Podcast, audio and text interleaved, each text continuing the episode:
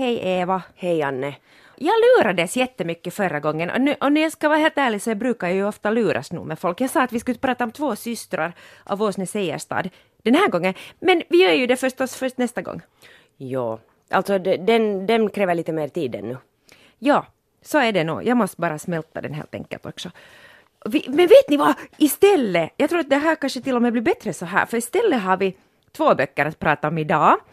Och man skulle kunna säga att de här två böckerna är jätteolika. Det är lite som att man i ena handen har en vacker, ren och fin obduktionssal där det av någon konstig anledning finns fantastiska konstverk på väggarna. Och så finns det en stålbrits och där ligger en kropp som ser både levande och död ut och man kan bara inte sluta stirra.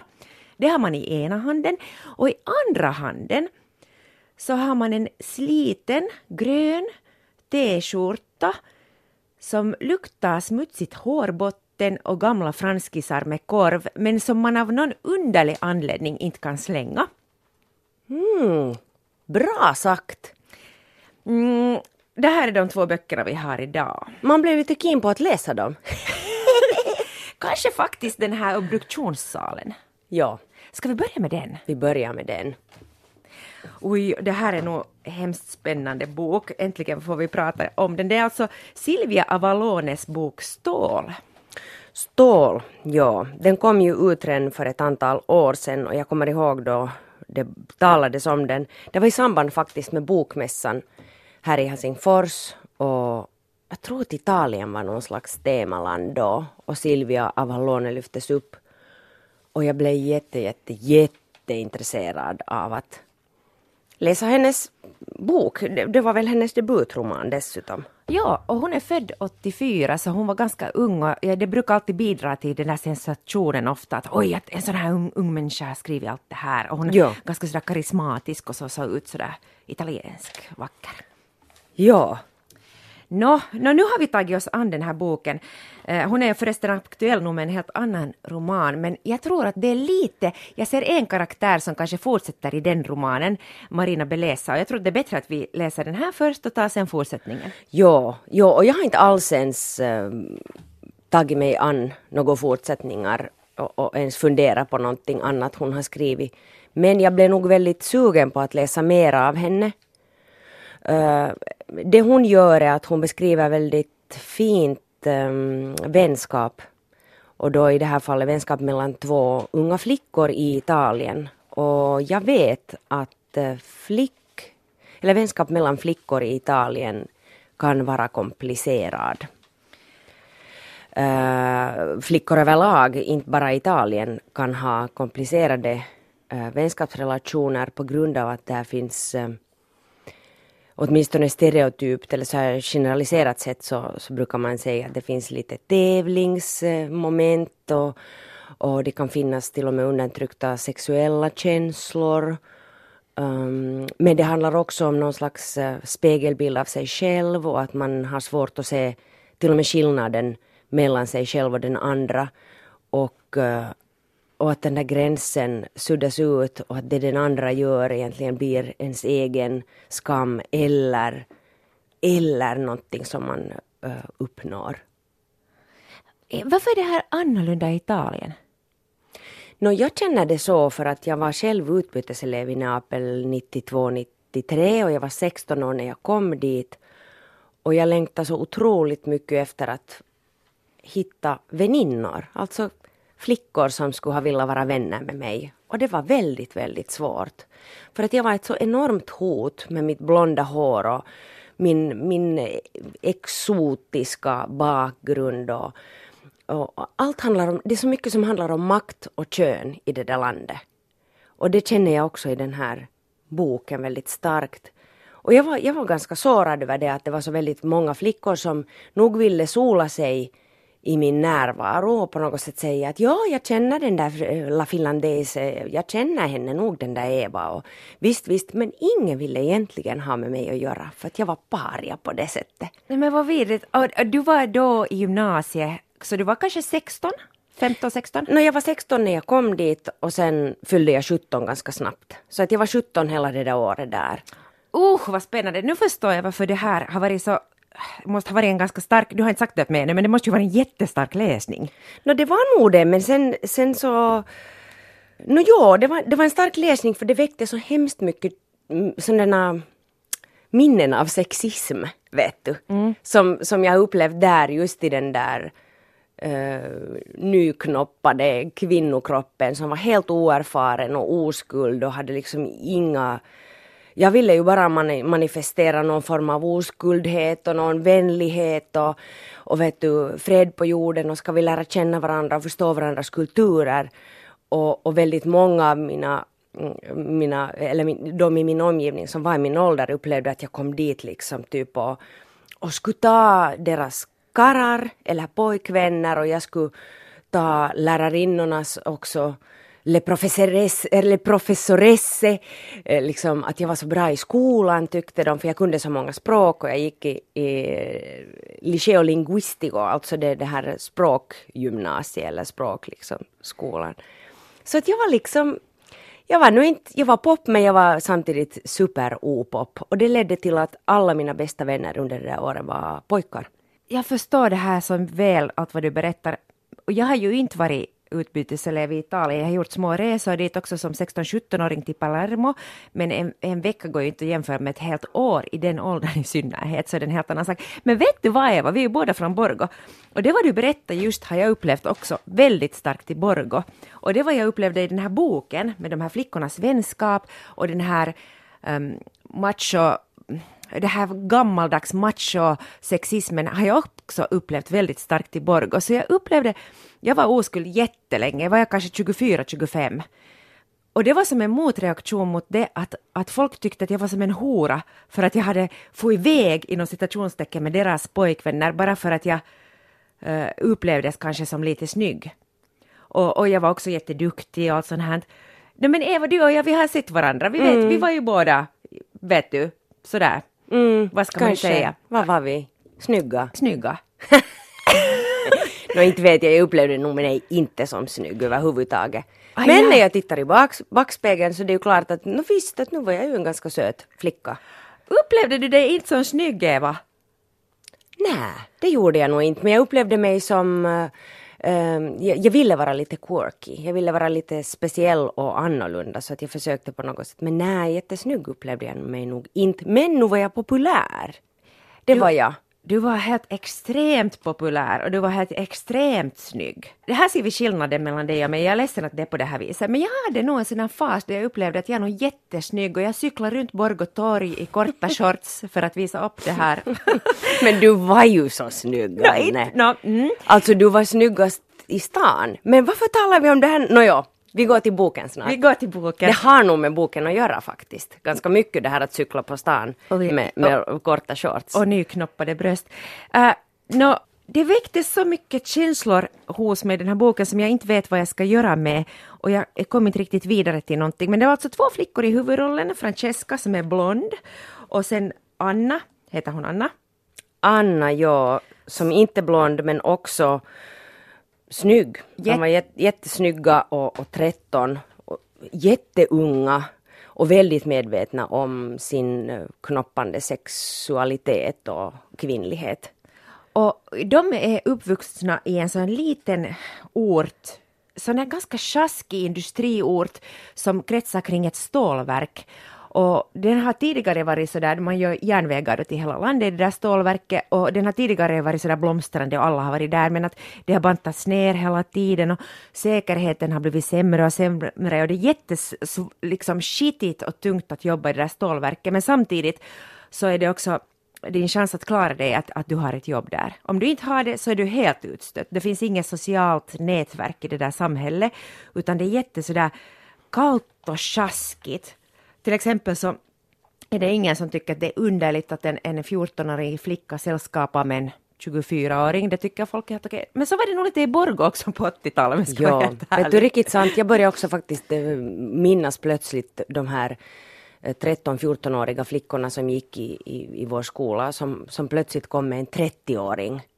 Det var helt galet alltså. Jag, eller jag tyckte ändå att det var helt galet men, men det var någon slags status också. Att, eh, att vara bevandrad och att redan ha trätt över den här gränsen till vuxenlivet. Jag, jag kunde inte förstå, jag kunde inte tro att de på riktigt ville ha eh, sex till exempel med de här kunderna, men samtidigt, vad fasen vet jag? Alltså jag var, jag var på ett sätt väldigt osexuell i så många år och också oskuld jättelänge och inte alls sexuellt aktiv och på ett sätt ganska avvokt inställd till sexualitet. Dels just på grund kanske av att, att, att jag var så rädd att bli just eh, tagen för hora eller för, för på något sätt, eh, ja att man skulle vara liksom, ja, hora. Eh, men, men, men däremot så i den här boken så sexualitet har ju liksom, hela den här sexualdriften och allt det som, som hela tiden genomsyrar, genomsyrar varje sida, allt handlar ju egentligen om sex eller sexualdrift och det här heterosexuella mm, magnetismen som, som är liksom en självklarhet. Det är ingen som ifrågasätter det. Alla tycker att så här ska det vara och det är det enda rätta men samtidigt är det, det är skitigt och det är hemskt och det är en, det är en kraft som man måste uh, få bukt med. Alltså man måste, man måste uh, få kontroll över den. Men det som jag tycker är så synd är det att allt som har med sex i den här boken handlar om makt. Att det är ingenting som är vackert med det här sexuella här. Och, uh, och att det är så väldigt mycket också som jag upplever det fortsättningsvis i Italien, att det handlar så mycket om kön. Allt har med kön på något sätt att göra i det italienska samhället och just för att det har en så stark patriarkal tradition och, och just det att kvinnan, ja, utan sitt kön är kvinnan ingenting har jag skrivit. Och det är på något sätt, eh, utan sitt kön så, så har kvinnan ingen rätt, inga rättigheter liksom där i Italien på något sätt. Men kanske också just här i Finland fortsättningsvis, inte vet jag. Mm, jag tänker så här att det var kanske uh, så här för kanske på 70-80-talet så var det kanske så i Finland uh, som det nu är i den här boken. Och den utspelar ju sig 2001, 2002. Just det, så det kan ha hänt väldigt mycket där också. Men eh, jag tycker att det framgår i den här boken just det vad du säger, att, att kvinnan har inte något annat äh, äh, sån här marknadsvärde än sin sexualitet och hon handlar då med det. Och sen man ser de här mammorna i boken är ganska intressanta också. Äh, Rosa blir då misshandlad av sin man och hennes dotter också Francesca. Mm. Och sen har vi Sandra som är städerska. Och de är båda i Nej, den... servitris. Är hon servitris? Ja. Och de är nu båda i vår ålder nu, som vi är nu. Jo, jag riktigt räknade ut, jag började fundera och hon sa ju där vid något skede också att 42 eller någonting och det slog mig att oj gud. Att vi är de nu, och de är i boken, de är ju som gamla frukter. De är gamla tanter, de är gråa, de klär sig som, nu inte nu hucklen och sånt, men att det är inte, de är inte kvinnor mer, de har ingen valuta mera. Och det är de, de, man ser inte ens dem som kvinnor, de är könlösa, de är osynliga. Eller de finns till för sina män, förstås. Att de är liksom signora det och det. De är någons hustru och det liksom i sig är jätteviktigt och det är ju därför som där är en scen som jag tycker var ganska beskrivande då Sandra känner att hon vill, hon vill på något sätt stödja den här Rosa som har blivit misshandlad och sen dessutom har han som har misshandlat henne har varit med i en olycka och blivit helt invalidiserad och mentalt eh, praktiskt taget efterbliven. Och då känner Sandra att hon vill sträcka ut en hand till Rosa och Rosa säger föraktfullt att jag kommer aldrig att lämna honom, att jag har åtminstone en man. Att därifrån jag kommer så har jag ingen man så har jag ingenting. Och typ att jag finns inte utan en man. Och det är ju så att det är som om man skulle... Jag får kramper inombords när jag tänker på det här. Och när jag tittar på folk och människor som jag känner där i Italien och, och jag reser ju dit fortsättningsvis och jag ser de här strukturerna men som tur inte där i den familjen dit jag åker och som har blivit min... Det var min värdfamilj och nu är det min italienska familj. Liksom icke-biologiska familj. Tänk att du har bott i Neapel. Jag läste förra sommaren Maja Lundgrens, jag tror att hon heter så, Maja Lundgrens Myggor och tigrar. Ja. Som en sån självbekännelseskrift där hon nog hänger ut mycket andra människor, också sig själv. Men det som är det där starka i den här boken är beskrivningen av Neapel. det var så spännande, det var så mycket spännande än vilken rymdhistoria som helst. Det var så främmande också för mig. Och jag insåg att jag vågar ju aldrig åka dit, aldrig någonsin. Vad blev du skrämd för? Att, att, om, att gå in på fel gata helt enkelt, för att vad heter Gomorra? Den maffian heter något Camorra. annat. Camorra heter den där. Att, att helt enkelt bara gå in på fel gata och det där gräva i någon fel rask, så som mitt i allt är man skjuten. Ja. Var inte du rädd när du var där? Jo, jag var nog, eller nej, vad va, vad går jag att säga? Jag var inte alls rädd, men jag var också i den åldern att man inte var rädd. Ja. Och till exempel så använde man ju inte hjälm när man åkte vespa eller motorcykel. Och det, jag satt ju, jag skjutsades ju omkring under hela året. Vi har åkt på motorvägar, vi har åkt snirkla oss upp för olika eh, bergsslingriga vägar. Och inte en gång att jag skulle ha tänkt på att jag skulle ha haft liksom eh, en hjälm på huvudet. Så att sånt, men man var ju odödlig på ett sätt också i den åldern. Men eh, för den där själva kamorran var jag inte rädd. Visst diskuterade vi om det hemma med värdfamiljen. Uh, och uh, de är nog inte ett hot om du inte eh, vad ska jag säga, de, de är inte ett hot för den vanliga människan och medelklassen så där kände jag. Till exempel min morfar i familjen där det tror jag var helt kutym, så som han gjorde också att när han hade blivit gammal och äldre och, och inte riktigt klarade sig längre så bodde han i ett, i ett ganska sjaskigt kvarter eller ett ganska farligt kvarter men det betydde att han var beskyddad av kamorran. Ja. Så det är liksom ett sätt att säkra sig och, och försäkra sig. Så att han, han bodde liksom, att när, jag minns när vi åkte dit så sa, sa alla att öppna inte dörren, öppna inte fönstret, uh, titta inte på den där nu som kommer här. Och, och det där, och så satt vi bara där och väntade medan mamman sprang upp med någonting till honom och, och sådär. Och, och sen det, på det sättet fick jag kontakt med själva kamorran att jag till exempel när jag ville köpa en Walkman under det där året så det var ju helt klart att inte, inte går man till butiken och köper den och inte ens begagnat på Kirpis utan man tar kontakt med till exempel en vaktmästare i någon skola Ja. och som har kontakt med kamorran som har, eller någon som har kontakt med kamorran som sen kanske har kontakt med någon annan inom kamorran och sen så det var ju stulna varor som man fick billigare så att all, all elektronik och alla större eh, investeringar som, som man gjorde till hemmet eller allt sånt så köptes många eh, använde sig av sådana svarta tjänster. Så jag, jag köpte en, en Walkman av kamorran. En sån här gul. Och vad lyssnade du på då? No, det året så lyssnade jag jättemycket på Pino Daniele som är Neapels stora musikaliska gud. Pino Daniele. Alldeles underbart. Han sjunger på napoletanska. Det, det här napoletanska språket är liksom väldigt, väldigt eh, kännspakt för området och det Eh, Eh, det är inte bara en dialekt, det är faktiskt ett, ett helt eget språk. Jag kan inte den där gamla italien, eh, äh, napoletanskan, men jag, kan, jag pratar italienska med en stark napoletansk accent. Och det språket kommer ju starkt fram i Elena Ferrantes böcker, den här eh, Neapel-sviten, de här fyra böckerna. Och det, det är nog böcker som jag rekommenderar också om man vill veta mer om, om Neapel. Och, no, det är ju 50-talet och 60-talet och kanske tills nu.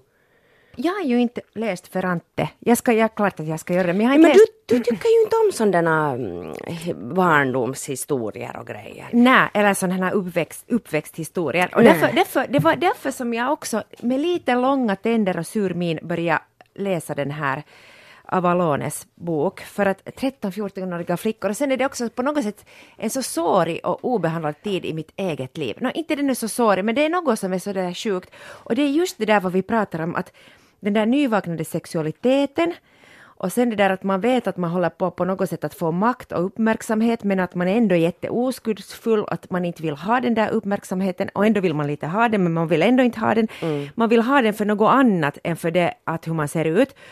Och, och sen det där, jag, kom, jag kommer aldrig i hela mitt liv att komma över, no, klart jag kommer att komma över det, kanske jag kommer över det nu när jag säger det, komma över det där att bli kallad hora när man vet att man inte knappt har varit ens och pussas med någon. Vet du, det är så sårande. Du vet hur sårande det är. Ja, det är nog jättesårande.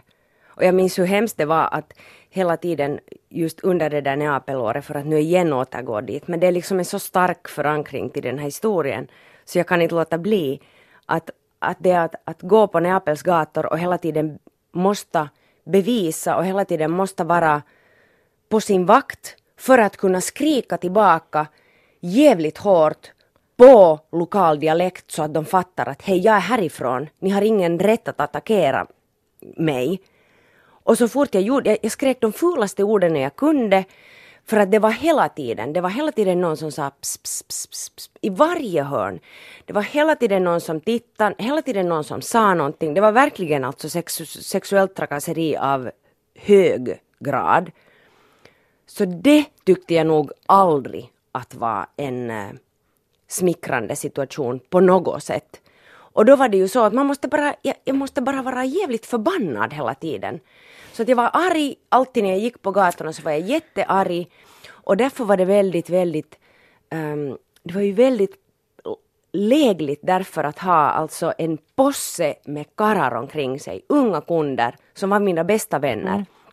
Och de hade, eh, det här är ju den här liksom underliga, underliga paradoxala grejen att de såg mig inte som en sexuell varelse för att antagligen för att de tog mig, för det första tog mig de, de tog mig som en syster.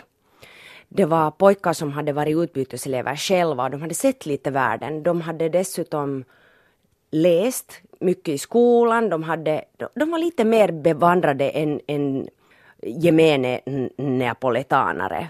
För att det må uttalas rakt ut och det kommer också fram i stål att den här så kallade lignoranza, alltså oignorans, alltså inte ignorans på svenska utan det att man inte vet. Folk är fullständigt eh, omedvetna om vad som händer i världen. Eh, de är oskolade, outbildade på ett, på ett, liksom jättemånga är outbildade och oprivilegierade, fattiga och utsatta. Och därför blir den här känslan av att de är hotade så stark, antar jag. Och i och med att folk vet så lite och inte vill veta och inte vill ens ta reda på så blir det just den här svartvita verkligheten. Och i och med att de här, den här posse som jag rörde mig med så jag kände mig jätte, jättetrygg på gatorna då när jag gick med dem för det var ingen som sa någonting då så jag fick vara i fred när jag hade mina bröder omkring mig. Ja, när du hade manligt beskydd. Absolut, och det är ju det här som är så fruktansvärt galet. Och det är ju manligt beskydd som också både Francesca och Anna söker men ändå inte vill ha, för de vill egentligen ha varandra. Eh, den ena kanske mera eldigt än den andra, men den är nog väldigt... Vad tyckte du Anna om den här beskrivningen av vänskap i det här, den här boken Stål? Om vi då kanske återknyter till det vad du sa i början, att man kanske inte ens vet att den andra inte är en själv, att man nästan blir en enhetlig organism tillsammans. För att man är så annorlunda från de där karlarna då, som ska ha och ska ta. Så den är nog, den är nog fin, men den är komplicerad, samtidigt som den också är nödvändig. Jag tyckte det var jättefint beskrivet. Mm. Och, och mycket obehag var där också. Jättemycket obehag. Och jättemycket utsatthet. Men ska vi säga det där att, li, om Lisa? Eller har du sovit under den? Nej, jag har varit vaken då. Saken är den att jag har lyssnat på den här. Jag har också lä läst den från min mobiltelefon. Ja. Och sen har jag lyssnat.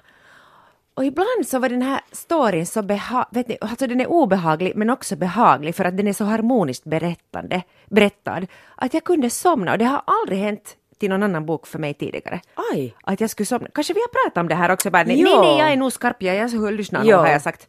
Men nu har jag somnat ibland när jag lyssnar. Men jag har varit vaken under Lisa. Jag tycker vi kan prata om henne. Jag tycker också. Lisa är alltså en flicka som iakttar de här två flickorna. Hon hör inte till. Hon får inte höra till. Hon är impopulär, hon är ful, hon har feta tjocka lår, hon har akne hon kommer aldrig att vara en del av deras duo. Eller de, deras, hon kommer aldrig att uppnå deras status. Just på grund av att hon som kvinna inte räcker till. Men hon iakttar, hon observerar och hon får sen hon får en liten munsbit av någonting som kan kallas vänskap men som är allt annat än det. Och det handlar om en konflikt som hon utnyttjar sig Lisa. Men det visar ju sig att Lisa antagligen har skrivit den här boken. Får man säga det? Man får säga det. Jag, tr jag tror att det är Lisas, Lisas och hela boken består av Lisas tankar om dessa två. Mycket intressant för att jag hade lite problem i vanlig ordning med berättarrösten. Och jag visste inte riktigt, vem är det som iakttar? Vem är det som säger? Jag vet att det är inte den där snuskpappan som tittar på sin dotter och blir lite upphetsad. Utan, och, och jag, visste, jag visste inte riktigt, vem är det? Men kanske det var, det var Lisa. Jag, jag måste säga att det har gjorts en film också på den här på, på italienska. Har du sett den? Nej, jag har inte sett den, men nu är jag jättesugen på att se den. Jag försökte rota fram den för jag tänkte att du skulle säkert älska den. Jag hittade inte med textning så jag har försökt titta lite på den med, med på italienska och jag förstår inte så mycket. Det är underligt att hur, hur det som film, när man tittar på det så blir det så mycket vackrare att man inte får tag i den där ångesten. Mm. Men... Och sen, sen för att det är så vackert och så soligt och, och, så fint i Italien just vid stranden. Men det som ju kommer så mycket fram, som jag redan sa om den här okunskapen och den här på något sätt outbildningen och det är att den inte, alla har inte möjlighet till att bildas. Och det skattas inte heller högt, i, speciellt inte i den här i den här staden som utspelar sig i stål där man ska arbeta för att få, få ihop pengar till dagen. Så här kommer också jättebra tycker jag in den här Berlusconi-eran som just då blev så stark under 2000-talets början. Och det här att hur jag kunde förundras över att hur i helvete är det möjligt att de kan uh, vilja ha hans regim? Hur är det möjligt att någon röstar på honom? Han är ett äckel, han är dum i huvudet, han är genomskinlig, det finns ingen som kan tro det. Det är typ vet du, som Trump eller vem som helst. Hur i helvete är det möjligt? Men det är någonting i den här boken som, här får jag svar ja. på det. Ja. De har ju också den här clownen, vad heter han, Beppo? Nej, vad heter han? Beppe. Heter han Beppe? Beppe Grillo. Clownen Beppo. Det finns ju en sång, vi har ju sjungit den i skolan. Och han är ju helt förfärlig. Ja. Han står för helt eh, förfärliga uh, ideologier, men han är väl också lite populär där. Ja, han är en populist så. Så, så, så. Jag måste nu säga, när du pratar om den här okunskapen och sånt, så jag känner nog igen mig i, den, liksom, i mig själv. Och jag drog mycket paralleller i mitt huvud till mitt eget liv i Borgo. Den där, inte visste jag något om någonting. Jag visste ingenting. Och, och, och sen den här jag ser också en sån här stor tristess i det hela den här, den här flickornas liv, att hur man väntar på att livet ska börja och livet är någon annanstans. Den här boken heter på engelska Swimming to Elba. Och där är ju så att den där Elbafloden är där nära. Och där är ju alla turister, där är glamoröst, där är livet. Och det är jätte, jättenära men de där flickorna liksom, det är så långt borta därifrån. Och de har aldrig varit där och det är ett stenkast ifrån men det är där de har inte råd att gå dit för de har inte status, att, de har inte rätt att vara där. Det är förbjudet område helt enkelt, fast det är så nära. Och den där på något sätt så Elba, så drömmen om Elba fast det är så nära, så den gör att det blir så, det är så trist och livet någon annanstans, det är där vid Elba eller sen då i någon storstad på, i något mediejobb och så här. Och jag känner så igen den där tristessen, jag tycker den här, vi har läst den både på svenska, förresten en jättefin översättning, att den här pärmen till den svenska upplagan tycker jag är så fin, det är liksom två vackra flickor men så är det som så tråkigt, det är så trist klockan tickar så långsamt att den mm. inte ens går framåt. Och de har svettigt och hett och de ligger där och steker sig i solen bara för att tiden ska gå. Och så är det svart och hårt omkring. Och livet är någon annanstans.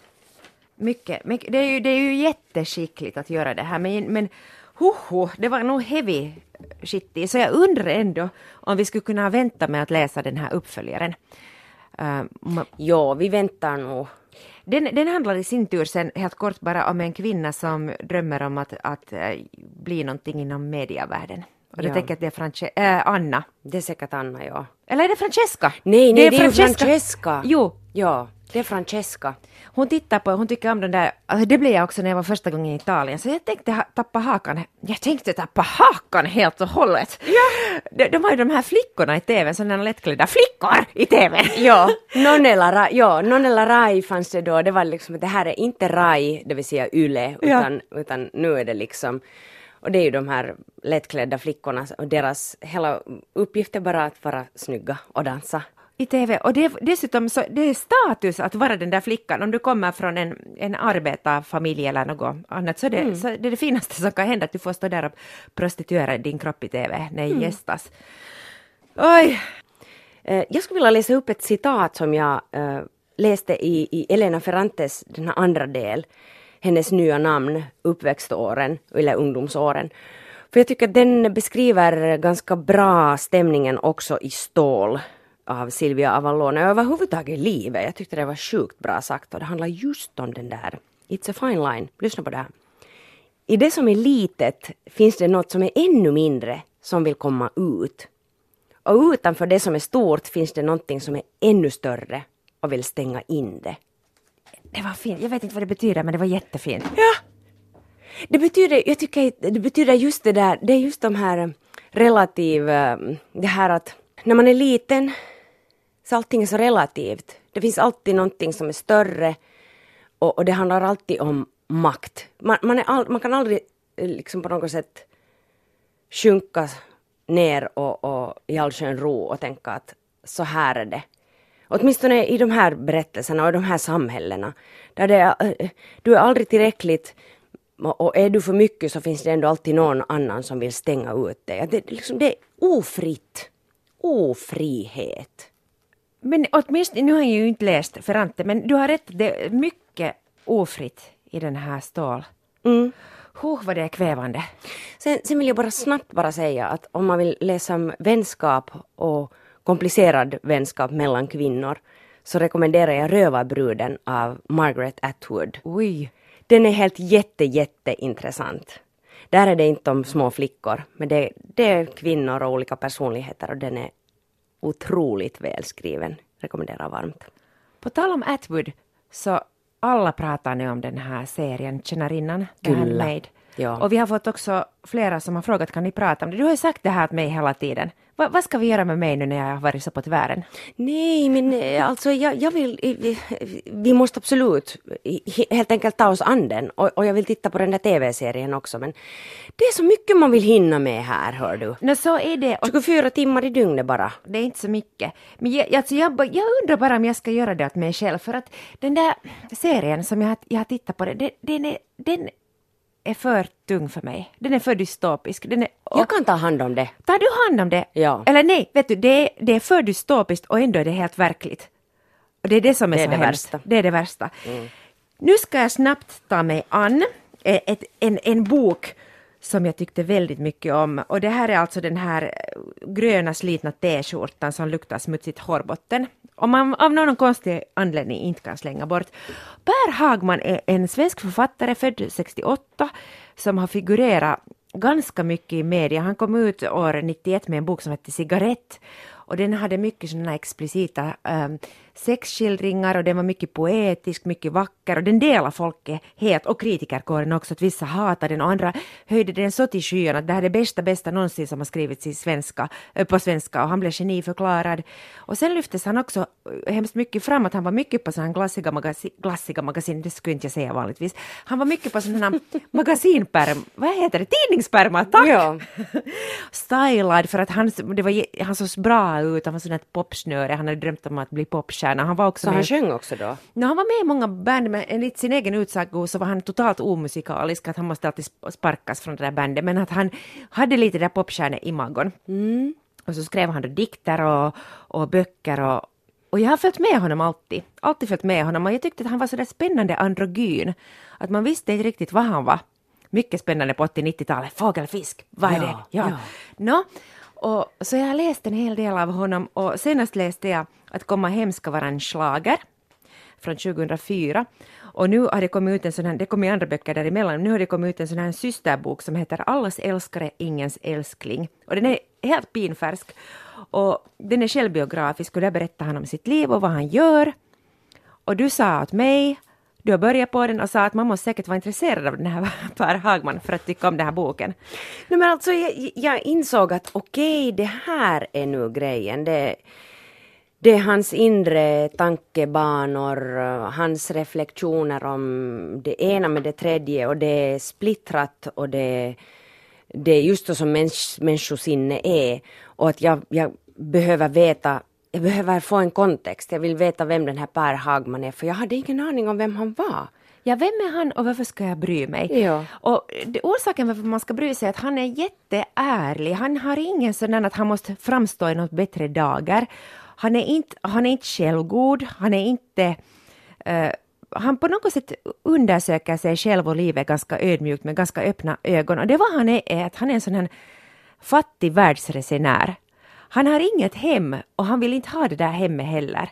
Utan han hittar det på krogen och på baren var han är. Han är hemskt mycket på krogen och baren.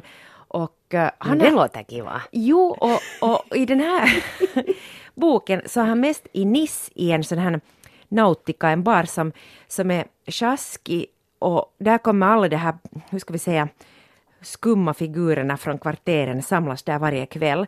Och med dem upprättar han sådana tunna band, han kallar det hemskt mycket med tunna band, att han, han vill inte, behöver inte ha den där familjen men han vill ha någon som han kan säga hej åt, någon som vet att han är la Suédois eller vad man nu säger. Eh, och, och att de, han kan liksom kommunicera med några av de där. Han älskar det. Att han, var i världen han än kan vara så hittar han alltid en krog var han efter några dagar har fått några sådana tunna band. Och han är så nyfiken på alla människor och han tittar och beskriver den här baren och krogen på ett jätte läckert sätt. Fast jag vet att skulle jag Ska vi säga att när jag läste den här så befann jag mig just på en shellbar i Pujo. Hur ska jag säga, jag tittade inte med jättestor kärlek på de där typerna i baren. Och så fick jag så när jag riktigt tänkte, nej men nu, Hietanen, om Hagman skulle vara här så skulle han beskriva de här människorna jättekärleksfullt och härligt och han skulle plocka fram alla de här pärlorna. Att allt behöver inte dofta gott. Att jag på något sätt så, hur ska vi säga, kräsen på ett äckligt sätt som gör min värld mycket mindre. Och så när jag fick, fick tanke på Per Hagman och tänkte att jag ska vara mera som honom, att vart jag än är så ska jag kunna titta på, på den där gubben som jag tycker luktar illa och är äcklig, så ska jag titta på honom med andra ögon och, och på, på något sätt, det här låter nu banalt, men på något sätt göra livet lite större och, och resa lite som Hagman. Jag upp, uppskattar hemskt mycket hans frihet. Och att han inte den där, han har nu något partners och, och slutet ska jag inte avslöja hur det är. Jag var hemskt missnöjd med slutet. Mm. Sa jag för mycket nu? Men det är självbiografi, så vad, vad ska jag säga? Att, ja. ditt, att ditt liv gick nu inte så som jag hade önskat. Det kan mm. jag ju inte säga. Men han, han är då långt över 40, han beskriver sig som världens yngsta pensionär. Att han, har inte, han är en ensam man som reser runt. Och sen, det som jag tycker är härligt intressant, är att han har gjort en klassresa nedåt. Ser du? Och, och jag faktiskt blev lite förvånad att, att jag, jag hade trott att det hade gått jättebra för honom. Och det här tror jag är en hemskt sån vanlig missuppfattning, åtminstone tidigare, att om någon är ofta på pärmen av en tidning så tänker man att den är nog framgångsrik. Men han har inte alls varit framgångsrik. Alltså, no, hur man nu mäter framgångsrik, visst har han ju varit det som, som skribent. Men annars har han levt liksom nästan, ja, nu inte misärliknande förhållande, men lite illa nog. Liksom, det har inte alls gått bra för honom mm. ekonomiskt. Och... Men inte kanske ekonomiskt, men kanske han har varit lycklig? Nej, inte ens det. Nej, det. nej, det kan jag inte säga, men jag tyckte hemskt mycket om det här att hur han på något sätt blir nöjdare med livet ju äldre han blir och, och han blir mer lättroad. Mm. Och jag tycker så mycket om det och jag strävar ditåt själv också. Att njuta mer av mindre saker. Um, ta saker som det är istället för att hela tiden sitta och snickra att hur skulle det här vara bättre, hur skulle det kunna vara mer perfekt. Ja, och det där med klackspark, man tar det med en klackspark. Det, det gillar jag också. För alla med ekonomiska problem så rekommenderar jag den här boken väldigt högt. Han kan lära oss ganska mycket det, det händer nämligen ganska otroliga saker där som vissa kanske inte alls skulle klara av och det tar han med en klackspark Okej, okay, men nu blev jag ett jätte... Nu, nu fick jag nog jättelust att läsa den här så att jag ändå kanske håller nu den här Uh, jag får låna den du ännu måste, en tid. Du måste nästan okay. göra det. Och sen, den är liksom ganska splittrad så man kan ju välja vissa delar. Den skildrar kro, kroglivet på ett jätte intressant sätt. Och sen så reser han ju jättemycket då och han far till Lampedusa, Mhm. väldigt underligt ställe att resa till. Nej, seglare får ju dit. Seglare får dit, men han läsa, reser efter flyk- och mitt i det här Ah, flyktingkatastrofen. Att- riktigt därför. Jo, jo alltså han är, han är hemskt intresserad av vad som händer i världen. Och han, jag tycker att han far inte dit på ett sådär perverst um, voyeuristiskt sätt, utan han far dit, ja, no, lite det också nog faktiskt, men han, är, inte- han är inte sån att han läs, reser bara runt i krigszoner och sp- spekulerar. Han, han, far till, han älskar då Italien förstås och, och han är också i Palermo. Och den Palermo-beskrivningen är fin. Aj, aj, aj, aj. Ja. Jag, jag älskar reseberättelser. Ja, ja, ja, ja, ja, absolut. Och sen är det här inte en journalist eller en reporter som skriver, utan det är så att säga en människa som inte har uh, skyldighet att berätta för samhället och folket vad som händer, så då blir det ju intressant. Mycket. Yes. Hej, vi tackar för, för den här gången. Jag, jag gillar vårt snack, Anne. Jag, älskar att prata med dig. Tack detsamma, det var så roligt. Tills nästa gång. Tack och hej. Och tack också till vår producent. Ska vi tacka henne? Absolut tackar vi Kia Svetichin. Ja, tack Kia. Tack.